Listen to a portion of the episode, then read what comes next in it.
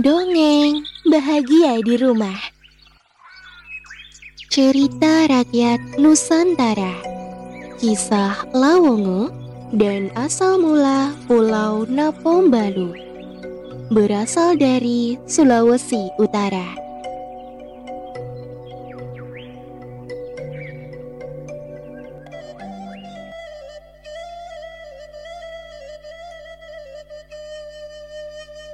Pada zaman dahulu kala, Pulau Kebaruan Sulawesi Utara, hiduplah seorang pemuda tampan bernama Lawongo.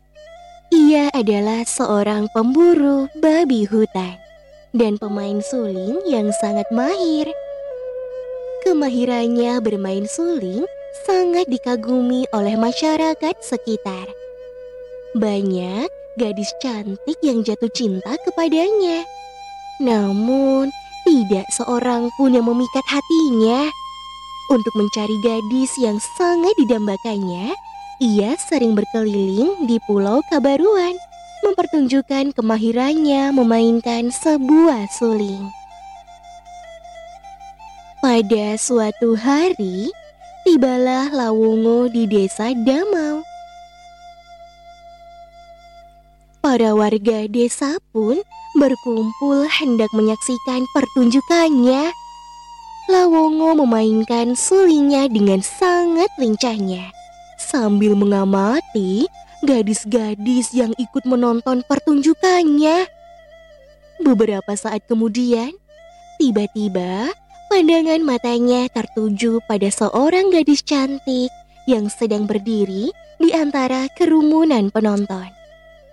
Melihat kecantikan gadis itu, ia pun langsung terpikat. Dengan penuh semangat, ia pun mengeluarkan seluruh kemampuannya untuk bermain suling untuk memikat hati gadis itu. Gadis itu pun terbuai, menikmati permainan suling Lawongo sambil menatap mata Lawongo dengan penuh arti. Setelah pertunjukan Lawongo selesai, para warga pun membubarkan diri dan kembali ke rumah masing-masing. Kecuali gadis itu, si gadis tidak beranjak dari tempatnya berdiri. Lawongo pun segera menghampiri dan menyapanya. Hai gadis cantik, apakah adik suka dengan permainan suling abang? Tanya dari Lawongo.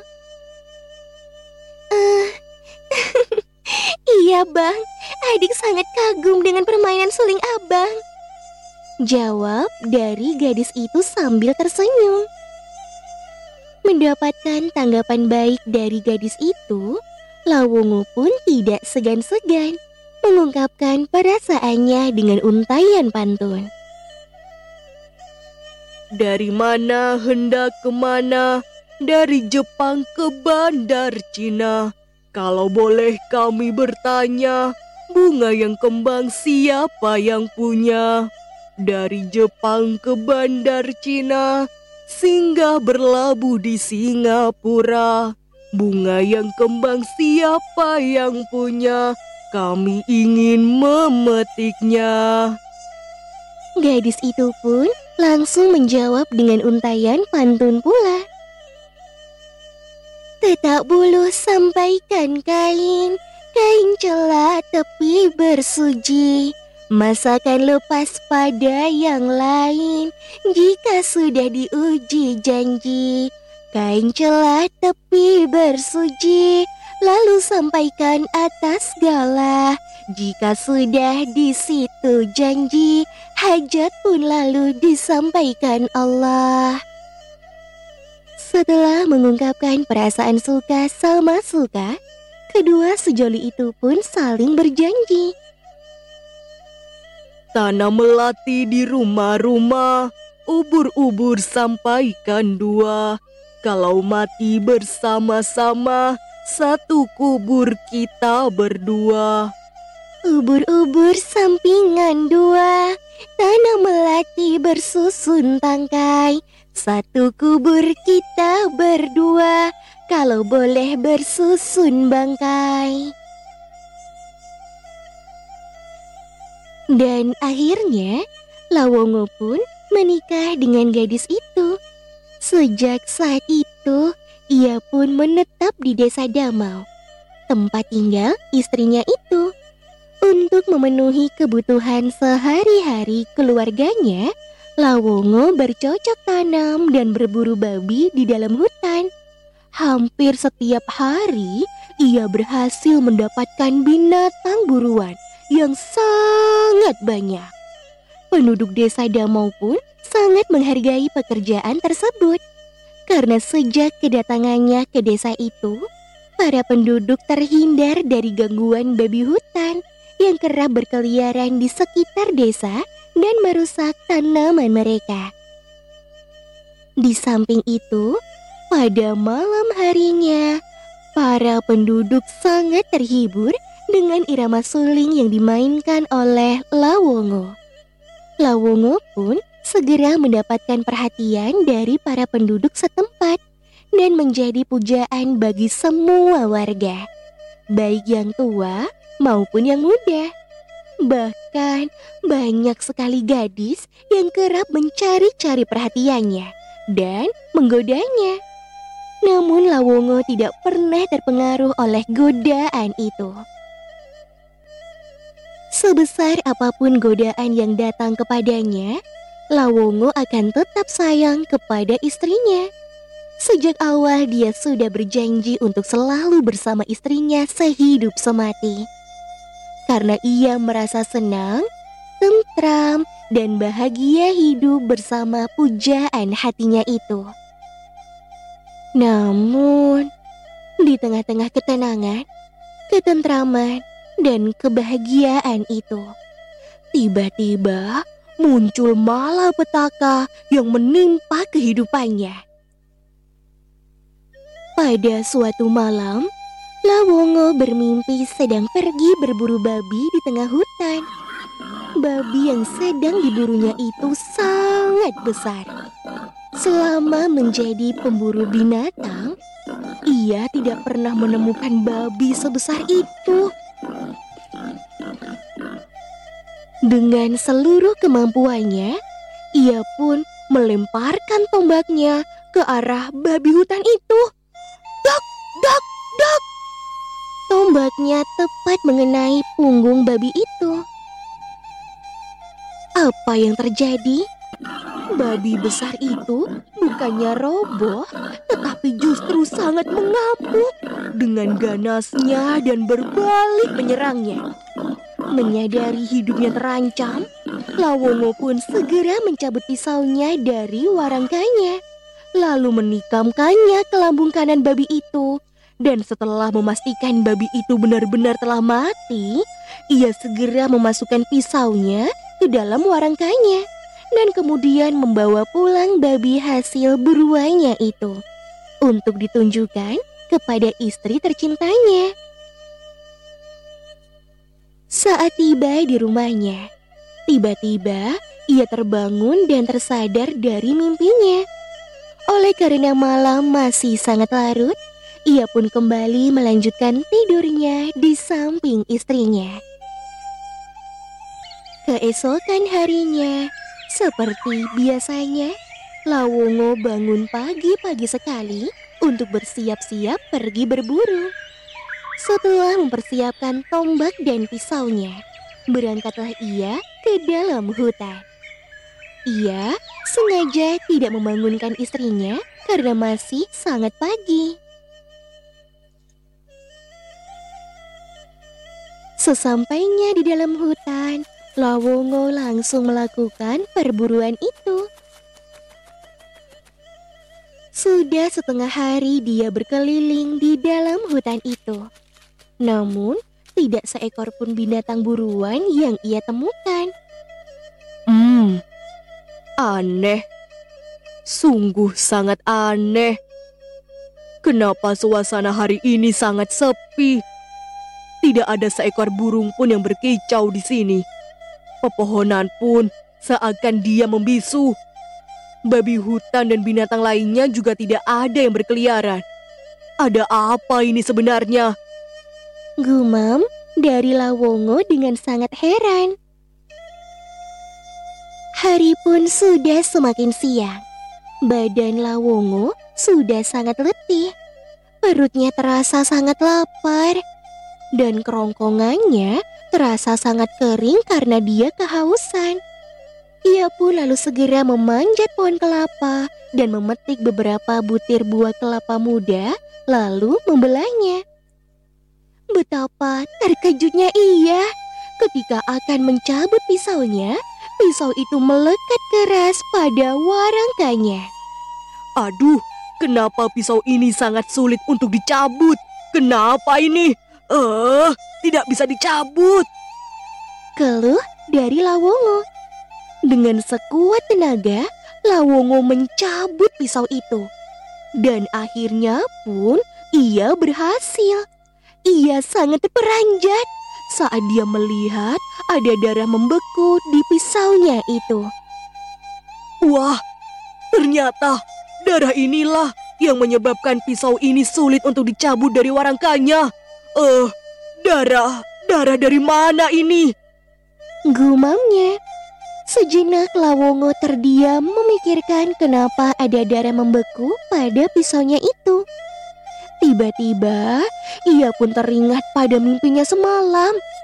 Saat itu pula, ia teringat pada istrinya yang tidur di sampingnya semalam. Waduh, jangan-jangan aku salah tikam semalam. Aduh, istriku! Ucap dari Lawongo dengan menduga-duga. Tanpa berpikir panjang, Lawongo segera berlari pulang ke rumahnya. Sesampainya di rumah, ia melihat sudah banyak warga yang berkumpul di depan rumahnya. Eh, uh, permisi, ada apa pak? Kenapa kalian berkumpul di sini? Tanya dari Lawongo kepada seorang warga. Maaf Lawongo, kami turut berduka cita melihat kondisi istrimu. Dia sudah meninggal. Jawab dari warga itu. Eh, uh, me memangnya uh, ke kenapa dengan istriku?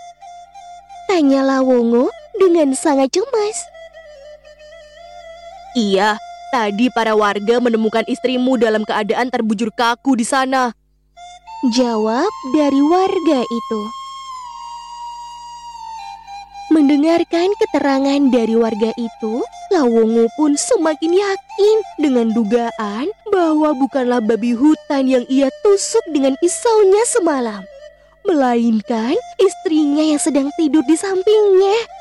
Ia pun segera berlari masuk ke dalam rumahnya untuk melihat keadaan istrinya di sana. Saat dia masuk ke dalam kamar, ia melihat istrinya sedang tidur terlentang, ditutupi oleh kain kafan di atas pembaringan yang ditunggui oleh sejumlah warga di sana. Dengan perlahan-lahan, Lawongo membuka kain kafan itu. Saat kain kafan terbuka, terlihatlah tubuh pada bagian lambung istrinya penuh dengan darah yang sudah membeku. Eh, uh, tidak. J jangan tinggalkan aku, istriku. Jangan tinggalkan aku. Teriak dari Lawongo dengan sangat histeris di antara kerumunan warga yang sedang mengelilingi istrinya. Lawongo sangat menyesal atas kejadian yang menimpa istrinya itu. Maafkan abang istriku. Abang tidak bermaksud melakukan ini. Abang sangat mencintaimu istriku. Maafkan abang. Seru Lawongo sambil menangis terseduh-seduh. Namun, Apa hendak dibuat? Nasi sudah menjadi bubur. Istri Lawongo yang sangat dicintainya itu pun telah pergi menghadap kehadirat Tuhan yang Maha Kuasa. Lawongo pun tidak dapat berbuat apa-apa untuk menyelamatkan istri tercintanya itu. Sesuai dengan sumpah janjinya ketika untuk selalu bersama istrinya sehidup semati dan satu kubur berdua, ia pun meminta kepada para warga agar segera membuatkan dua peti mati. Satu untuk istrinya dan satu lagi untuk dirinya. Semua warga terperanjat mendengarkan permintaan tersebut.